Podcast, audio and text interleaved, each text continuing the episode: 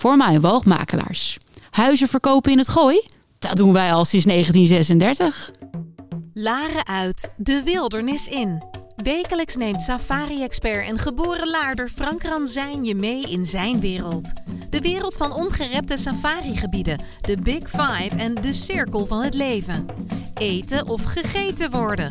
Een wereld vol safari-geheimen die hij met jou als luisteraar ontrafelt. Van de mooiste plekken om op safari te gaan tot de regels van de bush.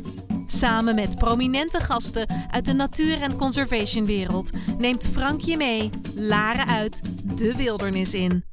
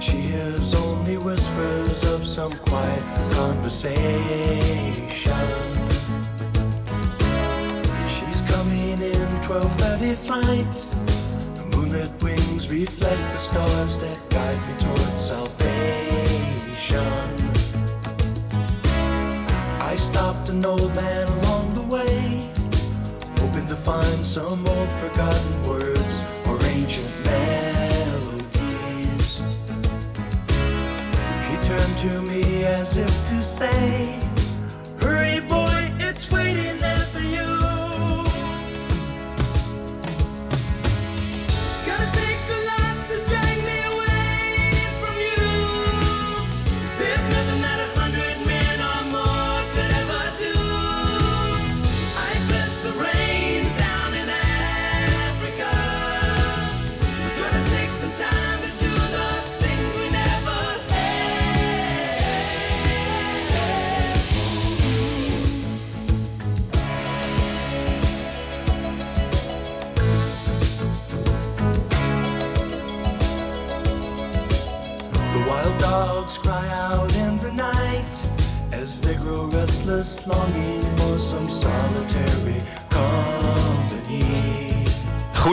hier bij Safari Geheimen op Dorpsradio Laren. Het infotainment safari reisprogramma. Waarin we de luisteraars meenemen de lanen uit en de wildernis in. Reis samen met mij naar Safari Afrika en India. En kom alles te weten over het maken van reisplannen naar de ongerepte natuur. In de bush, of luister naar de achtergrondverhalen uit Afrika met gasten uit binnen- en buitenland. Hou jij van Afrika en de vele mooie verhalen die er te vertellen zijn, dan ben je hier vandaag weer aan het goede adres. Mijn naam is Frank Ronzijn en ik maak dit radioprogramma en podcastserie Safari Geheimen als inspiratieplatform voor de safari-reisspecialist Safari Secrets. Naast reisideeën en verhalen vind ik het minstens zo leuk om historische verhalen te horen uit de monden van diegenen die het verhaal ook daadwerkelijk geleefd hebben. Zo ook vandaag in dit uurtje Safari Geheimen. Wie hebben we vandaag de gast in Safari Geheimen. We gaan vandaag luisteren naar een heel bijzonder verhaal van iemand die ik afgelopen december heb ontmoet in Nairobi tijdens mijn laatste reis. Zijn naam is George Roumeguer, zoon van een van origine Franse antropologe Jacqueline Roumeguer. Maar wat maakt hem tot een bijzondere gast? Nou, George is grootgebracht en opgevoed tot zijn veertiende als blanke jongen in een Maasai community in Kenia. Dat dit niet een alledaags verhaal is, dat mogen denk ik wel duidelijk zijn. En we gaan dit zo hopelijk van hemzelf horen. So I'm going to switch into English right now to introduce my guest of today, so he also will understand what we are talking about here in Holland.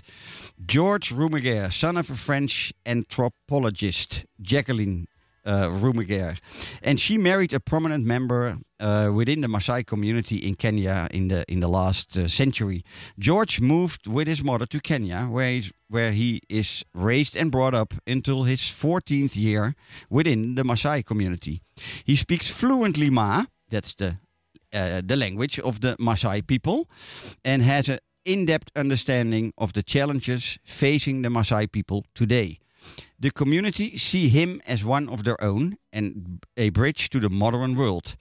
George has a wealth of experience in East Africa as a project manager and senior consultant across the conservation, humanitarian, and logistics sector, but also in the film and TV industry. So he used to work with the very famous and Dutch filmer Hugo van Lawick in the Serengeti and other places, of course. But he also worked in Holland for the TV show Groeten uit de Rimboe. Together with his wife Vanessa and their kids, they have lived for 10 years in Holland back then. Today, George is owning a beautiful small luxury boutique hotel in Nairobi called Manzili House, and they are building a new property on Lamu Island. Okay, that was the introduction, George. George, can you hear us? Um, George, did you unmute yourself? Please unmute yourself with the microphone.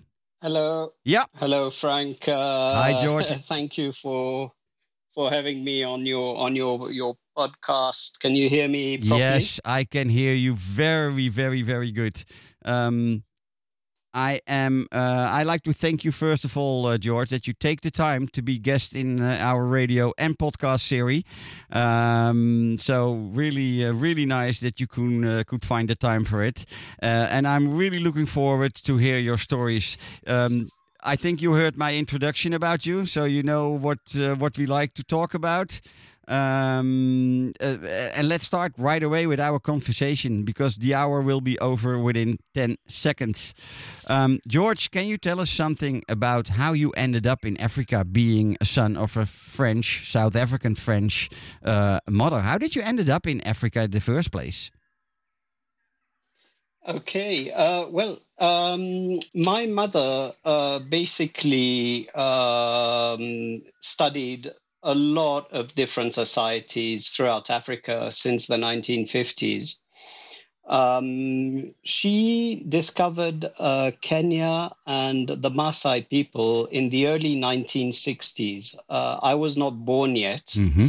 And she was invited to uh, her first Maasai ceremony.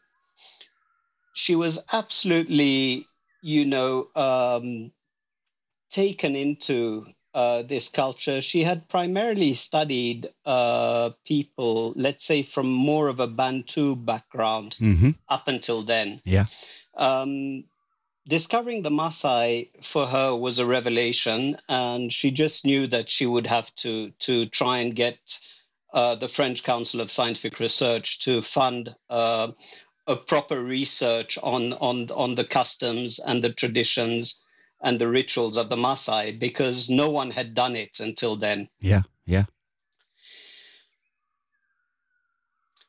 So, you know, she succeeded in getting her first grant. She came back, I think it was 1964. Um, I was then born in 1967. Um, she was uh, basically still going at it. Uh, it was one of these societies, she used to tell us, uh, that uh, the more she stayed, the less she understood, which was always uh, quite interesting. but it just shows to what extent, Yeah. you know, she was dealing with a very, very complex uh, society. Yeah. Um, uh, but absolutely fascinating. Um, I think uh, overall, uh, I was then born in 1967. Mm-hmm. Um, all of my first years until I think you you you said it quite clearly up until the age of 13, 14, I was completely immersed um, in Maasai traditional lifestyle, Yeah. uh, participating to the various ceremonies, Mm-hmm. um, traveling all around Kenya and Tanzania uh, across all the different clans of the Maasai Mm-hmm. and living, you know, living uh, in the huts and uh, if not in the huts, in the back of our very old Land Rover. Yeah. Yeah. Um, so, you know, uh, obviously all good things uh, come to an end. And uh, I think I was about 13 when I was first sent to go and uh, do some proper studying in uh, in France. Yeah. Yeah. So you know, um, the um, times obviously uh, amongst the Maasai has uh, has changed a lot. Um, you can imagine with all your experience, Frank, traveling to Kenya and to Africa over all these years. I think uh, back in the 1970s, um, when when when I was uh, you know still very young, I think uh, the population here in Kenya was about seven or eight million. Mm-hmm. Um, the the land was wide open. Um, you know, just the the sheer quantity of uh, of land available and uh, the density of the wildlife in those days was was uh, unbelievable. Yeah. Yeah. And, and, of course, now, as you know, we're we're closer to to 50 million. Yeah. Uh, luckily, uh, you know, Kenya has done an amazing job at at uh, at, at, at protecting, mm-hmm. you know, vast areas. And of course, you know, for for for the Maasai, um, I think up until quite recently, uh, you know, the traditional lifestyle was a very good uh, a very good option. Mm-hmm. Um, uh, though of course it's more challenging today. Mm-hmm. Uh, a lot less uh, less uh, land available, uh, uh, and certainly the nomadic lifestyle for the Maasai has been has been affected. Mm-hmm. Um, as you know, we still have some groups like the Samburu up in the north who yeah. can still sort of enjoy, you know, very large open areas and yeah. so forth. Um, but for me, you know, it was a life of total, total freedom and um, being immersed in into the culture. You know, often people ask me, you know, uh, what was it like? Uh, you know, for me, I didn't know any better. No. Um, at the time, uh, I thought that's that's how it is and would always be. But um, you know, it's also very interesting to see uh, all, all, the positive changes mm-hmm. um, that are also occurring and how societies uh, adapt and change. And, um, you know, I think in the case of, uh, uh, of the Maasai, we, we, we should always remember that um, uh, we, we owe them a great deal, uh, just like the Samburus, because you know they always lived in complete harmony with the wildlife. Yeah. Um, and uh, you know this legacy that was passed on to to the modern Kenya today mm-hmm. um, we, we we we have to thank them you know uh, uh, for this. And uh, and and you know I think you, you you've seen uh, so much in your travels of all the different initiatives of of so many people um, not only in Kenya but beyond the Kenyan borders. Mm-hmm. Um, and uh, yeah, I think uh, where we stand today, um, you know, um, in the case of uh, of uh, the, the the Maasai today, getting more and more implicated in this sector, which is actually the sector of wildlife tourism, um, uh, conservation. You know, um, this really is uh, is their sector. They um, they they have a lot to to bring to the table. Exactly, um, and and that's why I was really uh, so interested in talking to you because I think we in the Western world, or at least in in this part of Europe, I think most most people um, within our country. Let's let's keep it in Dutch for now because we are on, on, on, on Dutch podcasts and radio. I think people hardly have any clue about what life must be living in such a what you also said quite a complex cultural environment. Um, um, um, yeah, quite quite different from a tradition point of view. So I really I really like uh, to hear what you can tell us about it and and and can um, learn as listeners from from what makes it so complex and what makes it so wonderful probably. And and and even also maybe there are probably also downsides of living uh, in a culture like that. So I will really like to uh, leave it up to you what you can and what you want and can share with us about being there as such a young boy, for instance.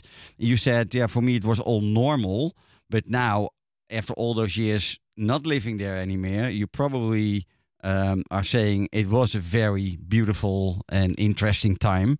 Um, and what what can you share with us about that time, uh, George?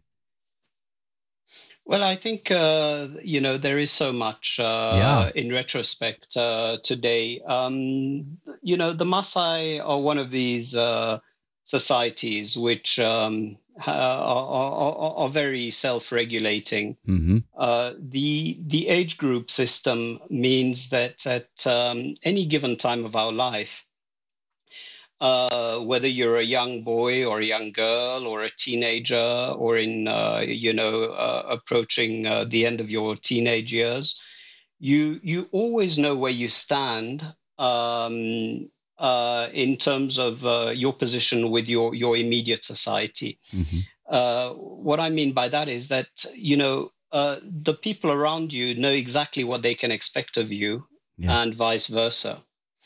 Um, so you know uh, the structure is is is in many ways as good as it gets. Um, you in the traditional uh, world, uh, you you wouldn't find people really drifting, uh, and certainly not within the the the the, the Maasai traditional uh, um, society, and so um, you know it was it, it was very clear uh, what our role and responsibilities were at any given time, and I think that's the the one of the things that's marked me the most uh, once I got immersed in. Uh, in in in in the the, the sort of uh, you know Western uh, education Mhm. and uh, and lifestyle.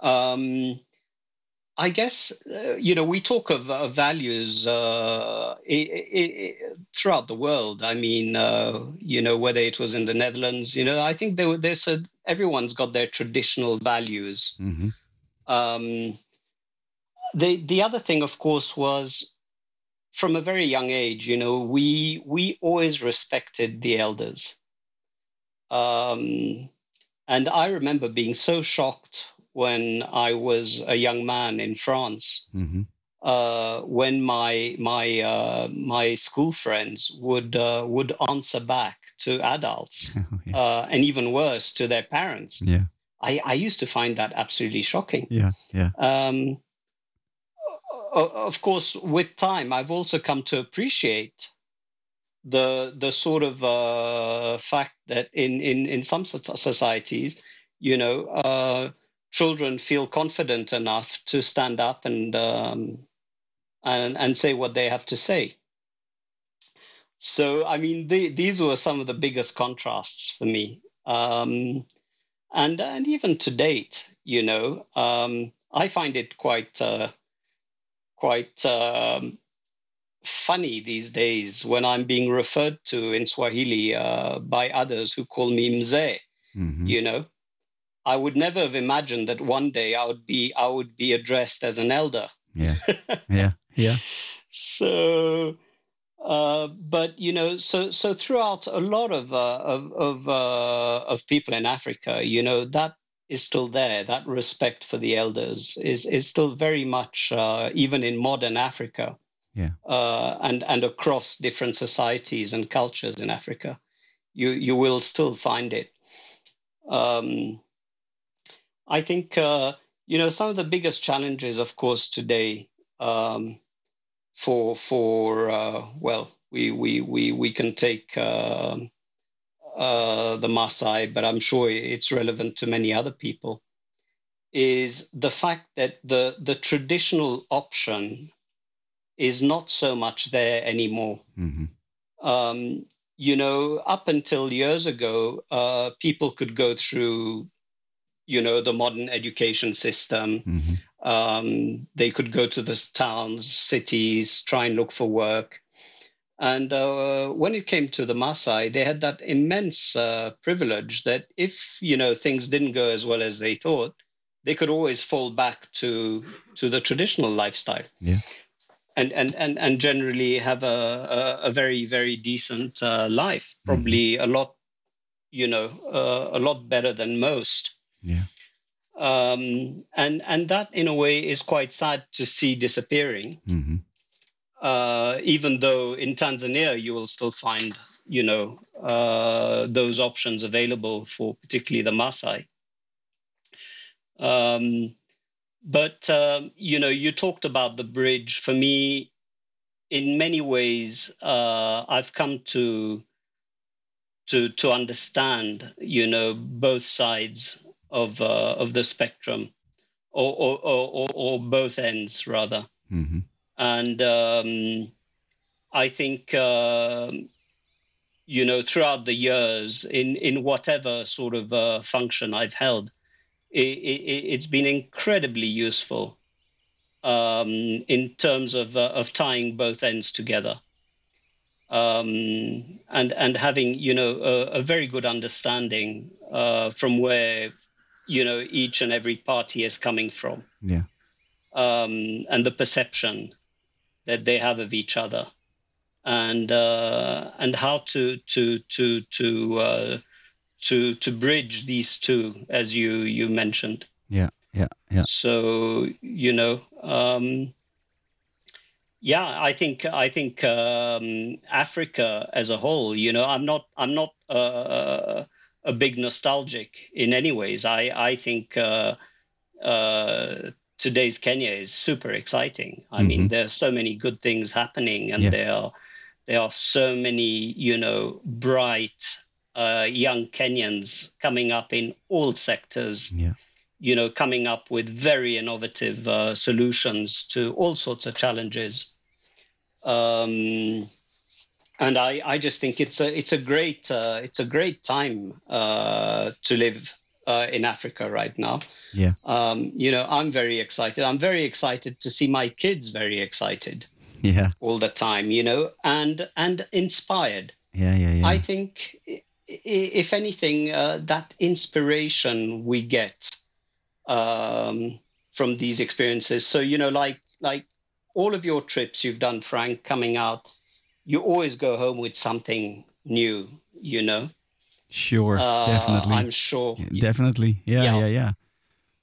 Uh, and and, um, and you were one and, of them. You were one of them. That that last uh, trip of my uh, uh of me in December, uh, having wonderful evening at Manzili House, where I got to hear right. a little bit of your background. I thought, oh, this is such a, uh, first of all, a great story to to hear. Um, I have to admit, I just don't know that much of that culture. B- beside the fact what you always see and hear when you're traveling, etc.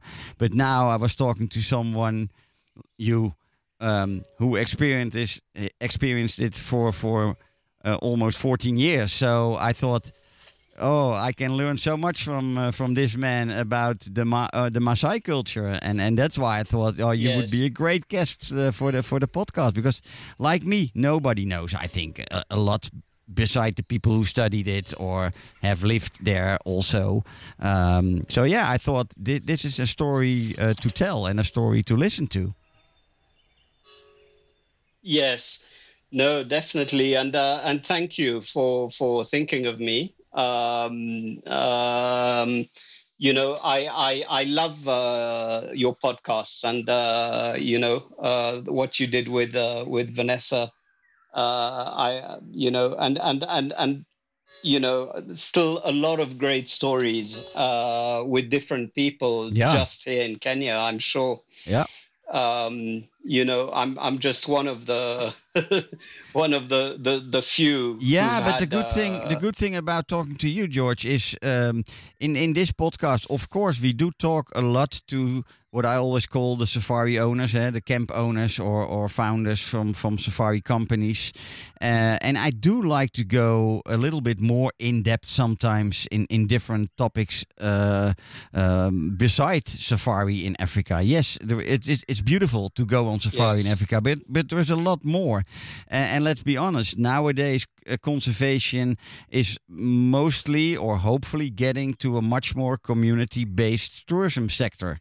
Um, so it's all about the people first. And yes, the wildlife is very important. Um, but yeah, so that's why I like to have a total different. Uh, routing for for for another episode, which is this. Um, yes. Because uh, I, maybe a very dumb question, uh, but you will tell me. Um, when you uh, be, being within the Maasai community uh, or, until 13 you said what is the age that you become a warrior normally uh, George? I, I don't know exactly Okay, so um, a group, uh, an age group, um, people of the same age group uh, can vary. They can be quite a, a few years different Ah, between okay. each one of them, Yeah. even though they will be called the same age group. yeah yeah yeah So, you know, back in the day, you would find boys as young as 13 maybe uh, being circumcised alongside boys of 18. yeah yeah yeah yeah that's true I learned that Um, also from the Sambu this year yeah yeah Yeah. So you know, um, the the age group was something that was very uh, well, quite uh, elastic in terms of uh, of your actual age. Yeah, yeah. Um, so you know, uh, today, of course, um, you know, ceremonies back in the in those days, uh, the sort of ritual life cycle.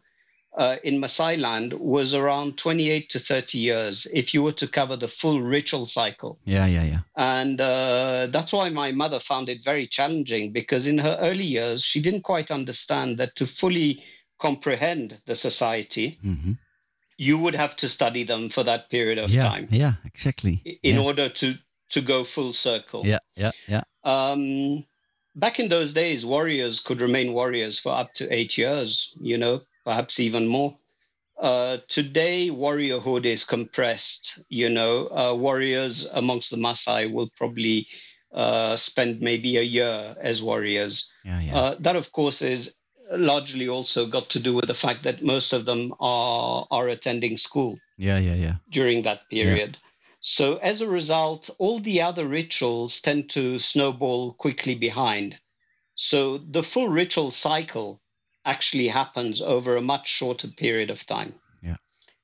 Um, And, and did you did you Um, did you live as a warrior also in your young age, or or you didn't experience that?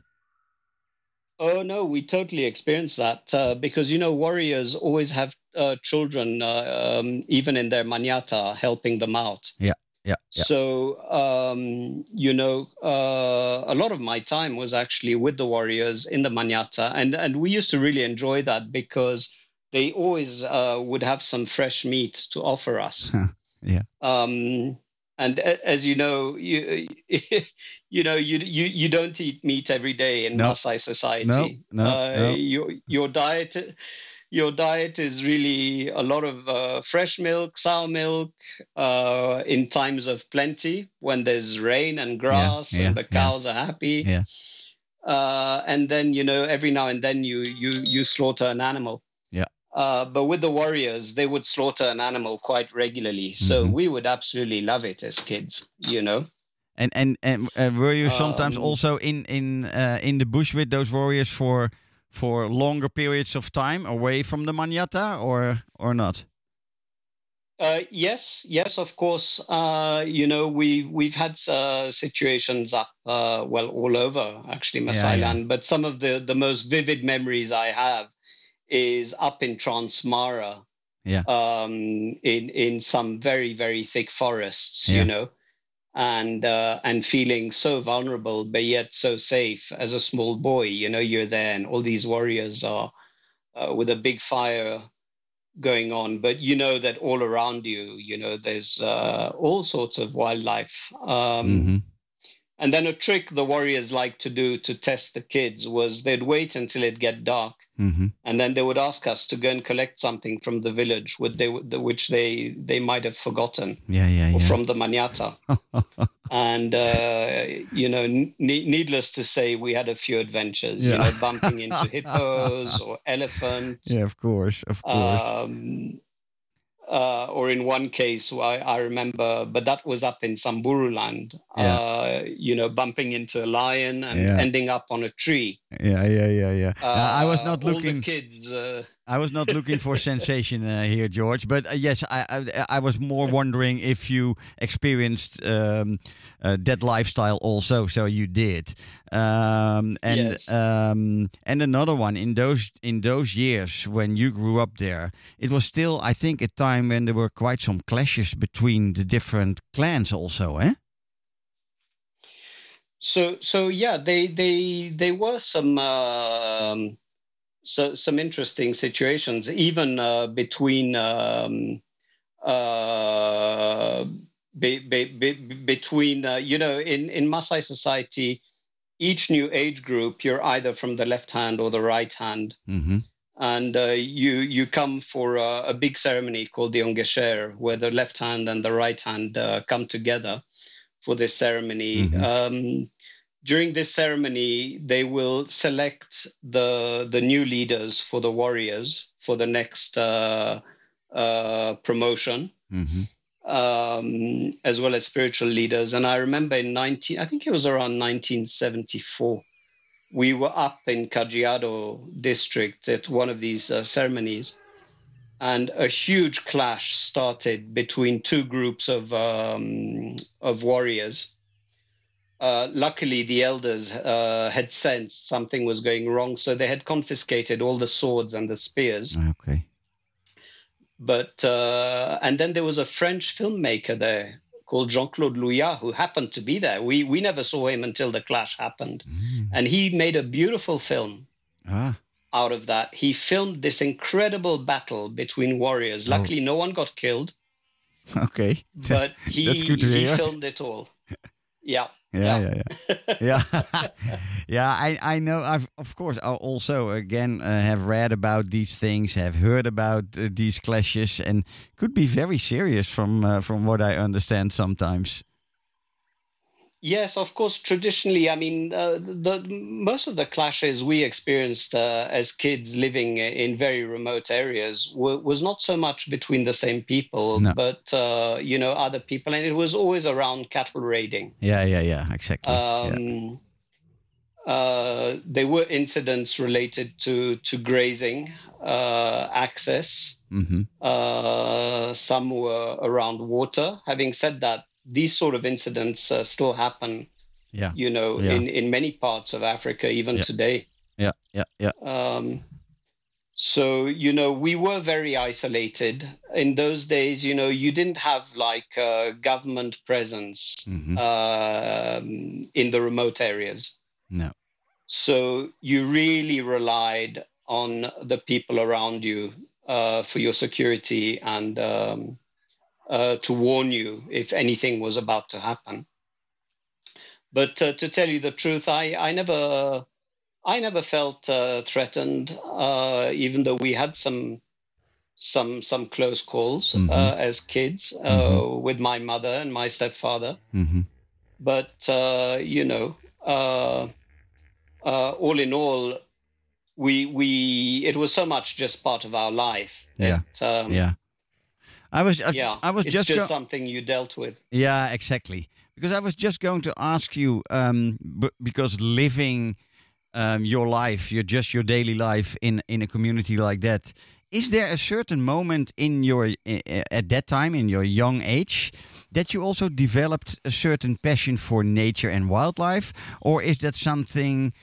It's not working like that because you live there. It's just always around you, so it's not a it's not a certain development about um, uh, appreciating uh, appreciating nature or wildlife. How, how does that work?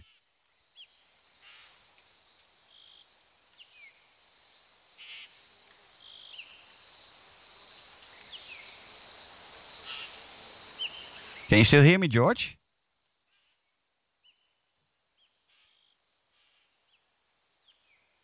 I think we lost connection. Um, so what I will suggest, Rob, is let's play a song and then we will try again. Uh, okay?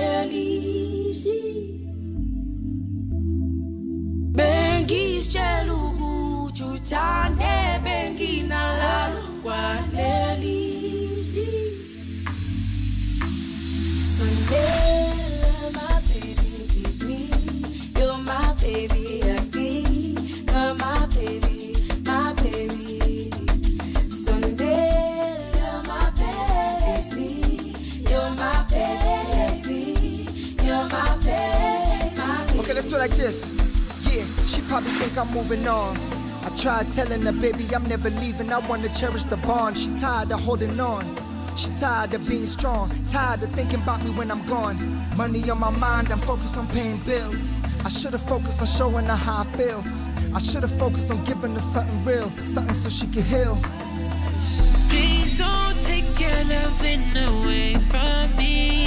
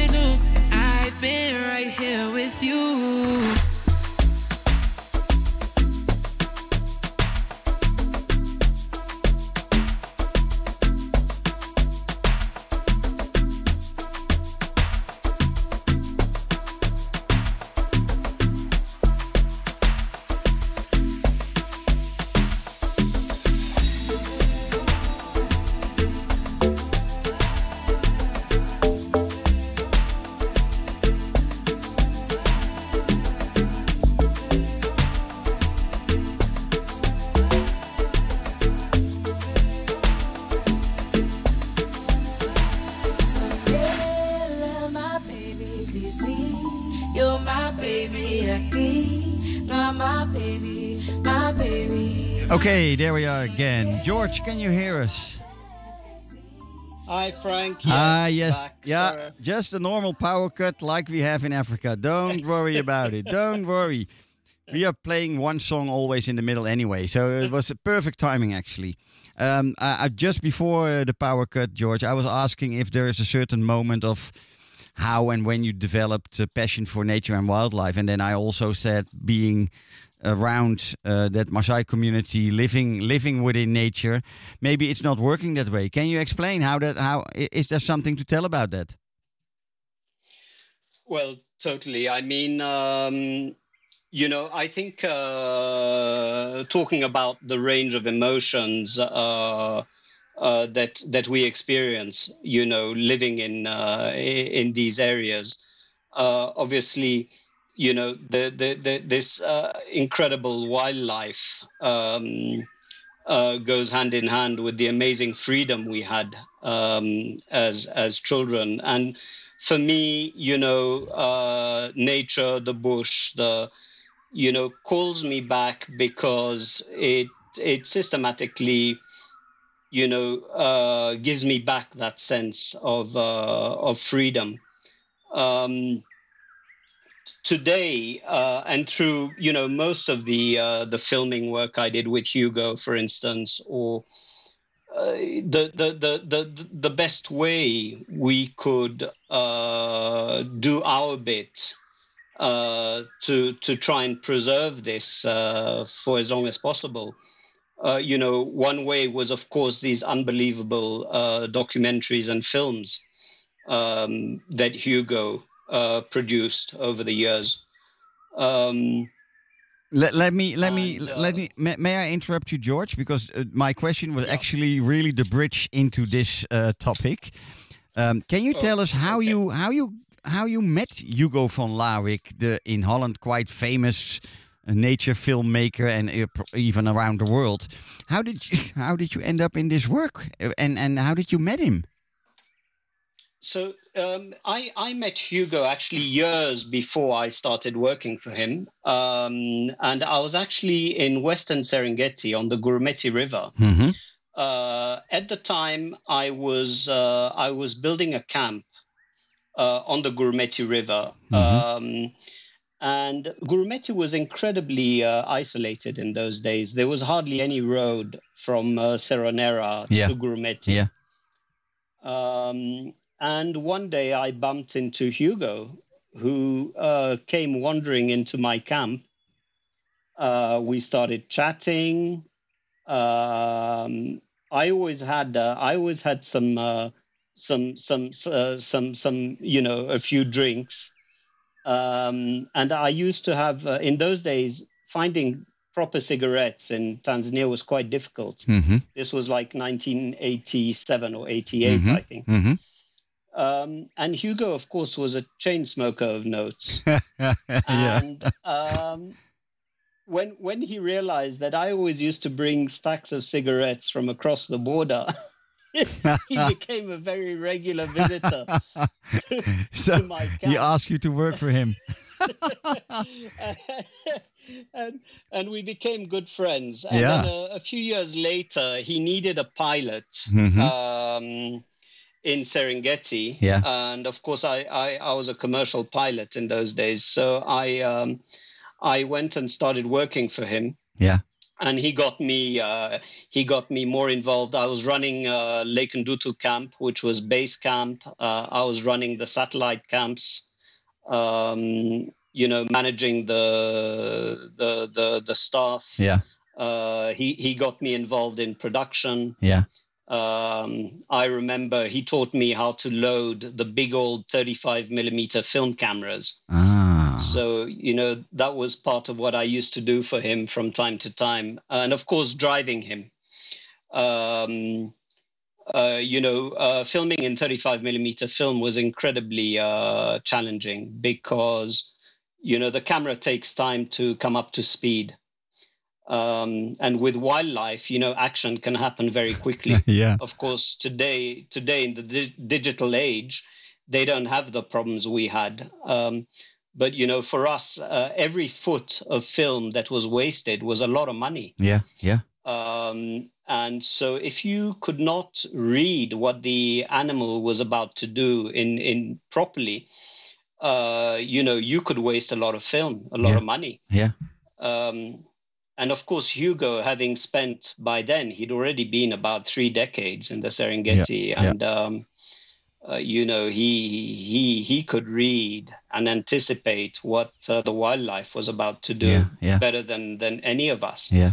um, you know, he he taught me so much Yeah. um, um, over the years I spent with him in Lake Ndutu. Mm-hmm. It, it was such a privilege, you know, being so close to um, such an incredible professional and, uh, you know, a, a- a very pure wildlife filmmaker. Mm-hmm. Um, you know, he never, never set up any shots.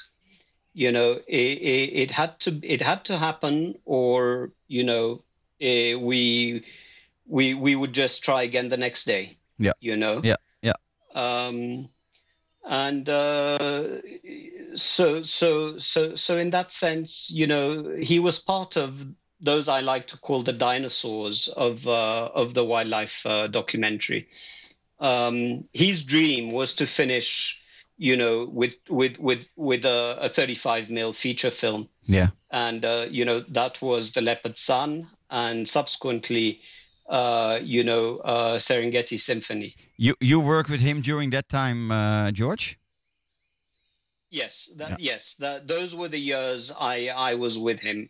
Um, so you can imagine the leopard son, you know, year after year, uh, following the same leopard and then her offspring. Um, and we we had crazy situations like we would lose our star um, uh, leopard for sometimes a few weeks Yeah, yeah. And uh, you know there was no no trying to make up with another leopard we we had to find that very that's specific that's very leopard. same leopard. Yeah, of course. yeah Oh my god. um, and I remember a day where we we had maybe 30 Land Rovers out there looking for the leopard, and I was in the aeroplane also trying Yeah. to look for the leopard. Yeah. you know, and and no luck. And it was a case of the leopard decided that you know he was taking a break, and when he was ready, he just reappeared. You yeah, know? yeah. the the good thing in those days were hardly any tourists around. That's the good thing, maybe. Comparing to now. Well, they, you you know, uh, of course, the Serengeti is just so big, and Yeah. Ngorongoro Conservation Area is just so big Yeah. that uh, we also had a special off-road uh, driving license. yeah, yeah, yeah, yeah, yeah. So we were not bothered that often No, by uh, by tourist vehicles, unless, of course, our leopard or whatever animal we were filming happened to be uh, close to a, a high-density game drive uh, Yeah, area. Areas, yeah, yeah. Yeah. Um, but then most people knew our cars and they would sort of give us, uh, you know, give us uh, some space when they could see we were filming. Yeah. So, you know, Must be a great But, must be a great time working uh, with with uh, with this man. He I, I mean he is so famous because of those films you were just uh, mentioning. yeah, of course, I, you know, Hugo, um, Hugo was a very, very, very special man, uh, a real gentleman. Um, and, uh, you know, I remember once we had just received this, uh, this uh, brand new airplane, um, which was funded by um, uh, one of the production teams. Um, and on one of the, the, I think the second or third flight, me and another colleague who was also a pilot, hmm we had a bit of a mishap. Um, and uh, we sort of crash landed and destroyed this brand new toy. uh, and I, I, I was so upset. Yeah. And so upset knowing that Hugo would be so upset. Yeah, yeah. And, uh, you know, we walked back to camp because no one saw us crash. And uh, Hugo saw us walking in. He was having his morning coffee and he looked at us and he said, hmm, Let me guess, you've crashed. and apparently I said, Hugo, how did you guess? And apparently I was still holding a piece of the plane in my hand.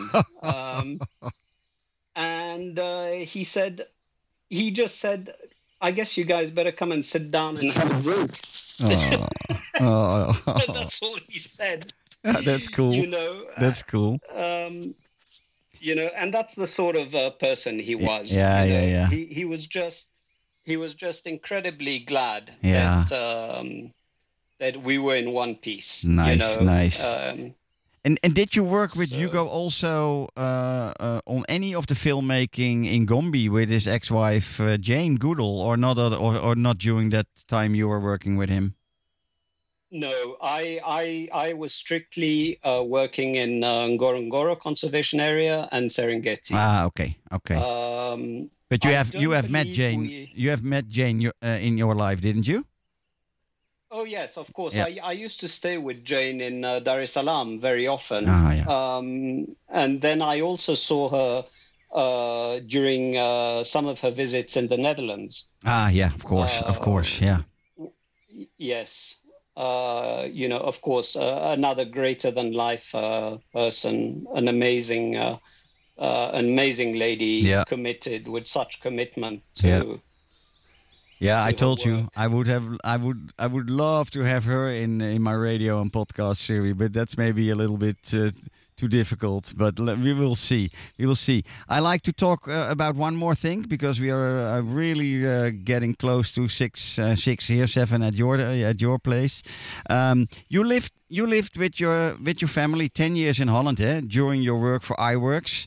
Um, what, what Yes, what is there to what is there to uh, to share with, with us about? M- that must have been quite a quite a interesting time for groeten uit de rimboe. Uh, Yo, absolutely fantastic time. Um, I, uh, I, I, I basically my first year in Amsterdam, I didn't know anyone really, um, but I had met, of course, in through Hugo, uh, a few people who are in the film business. Um, so you know, I would get uh, initially a, a, few little jobs with, um, uh, for instance, nature conservation films, Yeah. who, as you know, they bought out uh, Hugo's uh, old company. Yeah. Uh, and then one day, somebody from uh, NCF told me, "Look, there's this company. They're called uh, Eyeworks, and they need somebody uh, for a, a rather special reality TV Yeah. program." Yeah. Yeah. uh, subsequently, I called uh, this person, um, uh, another another one of these uh, bigger than life characters, uh, Vincent Tervoort, who's a dear old friend now. uh, he called me in for a, an interview on a Sunday. So I walked into Eyeworks on a Sunday, and I think it was only me and him in the office Yeah. And um, you know we just talked about a little bit about what we're talking uh, about now Yeah. Yeah. and uh, you know i was wondering uh, when's the interview uh, going to start you know and then uh, he said right great he said when can you start so i said well tomorrow he said great see you in the morning And then you sta And, and then you uh, stayed here for ten years. absolutely Yeah. so you you you, you know uh, that that would be another podcast by yeah, itself. yeah, yeah. Uh, Because uh, uh, you hear some background music, which is always uh, my last tune. It's uh, "Arrival of the Birds." Yes. Uh, um, George, um, how do you look at no? is conservation travel or wildlife uh, photographic wildlife travel um, is that doing any good for our nature for the future? You think? I think it definitely is uh, because uh, thanks to a lot of people like uh, also yourself, uh, who in turn bring other people, uh, your experience with you know uh, talking to people like me and others. You know where the, the industry is going. People want a lot more for their money in terms of they want to be assured that uh, whatever they're buying um, is is benefiting uh, as many people as possible. So you know, gone are the days. I think, particularly in Kenya, where people could sell you a bit of a fraudulent uh, destination by claiming that you know communities were on board and the communities were benefiting and so forth. I think today uh, tour operators uh, um, do a lot more audits in a way, if we can use that term, yeah. um, of the product. You know, and I mean the professional people Mhm. uh, like yourselves. Um, so you you are absolutely sure before you bring people anywhere that uh, you know uh, actually what these people are selling is is what you get. Mm-hmm. Um, and so I think the trade is moving, and of course, you know, it's moving more and more in that direction. Uh, we can call it compliance. Mm-hmm. If you're going to claim that you're an eco-tourist uh, operation, you know, what does that mean? What is the definition? Uh, does it? Uh, what is the percentage of community involvement, Mhm. and uh, how much do they benefit from your operation? Yeah. um, and so forth. So, yeah, in a way, it's becoming a lot more uh, professional in that sense. Of Mhm. course, you still have people selling you fraudulent safaris, and and I think that's the big difference. Um, you, you you know I I think uh, also that's why we have a lot of return tourism Yeah. in our Yeah. region here Yeah. Yeah. For sure. is uh, you know people feel secure that uh, they're really going to have not only a fantastic experience but that every dollar they spend here is going to go a long way um, towards uh, communities and so forth Yeah, yeah. Okay, I think this is it, George. I really like to thank you for talking uh, to us today and being guest in our podcast and radio show. Um, Thank you, Frank. You're welcome. You're welcome, Absolute man. pleasure. Um, we will uh, we will talk to each other soon. Uh, and to all the listeners, um, I wish you a wonderful evening. And um, next week, same time, we are here with another guest. Next week, we are going to travel to Zimbabwe to the Gonarezhou. George, thank you. Have a nice evening, and send my warmest regards to uh, to Vanessa, of course. Likewise, and see you soon. Thank you, George. you. Thank you. Tot volgende week allemaal.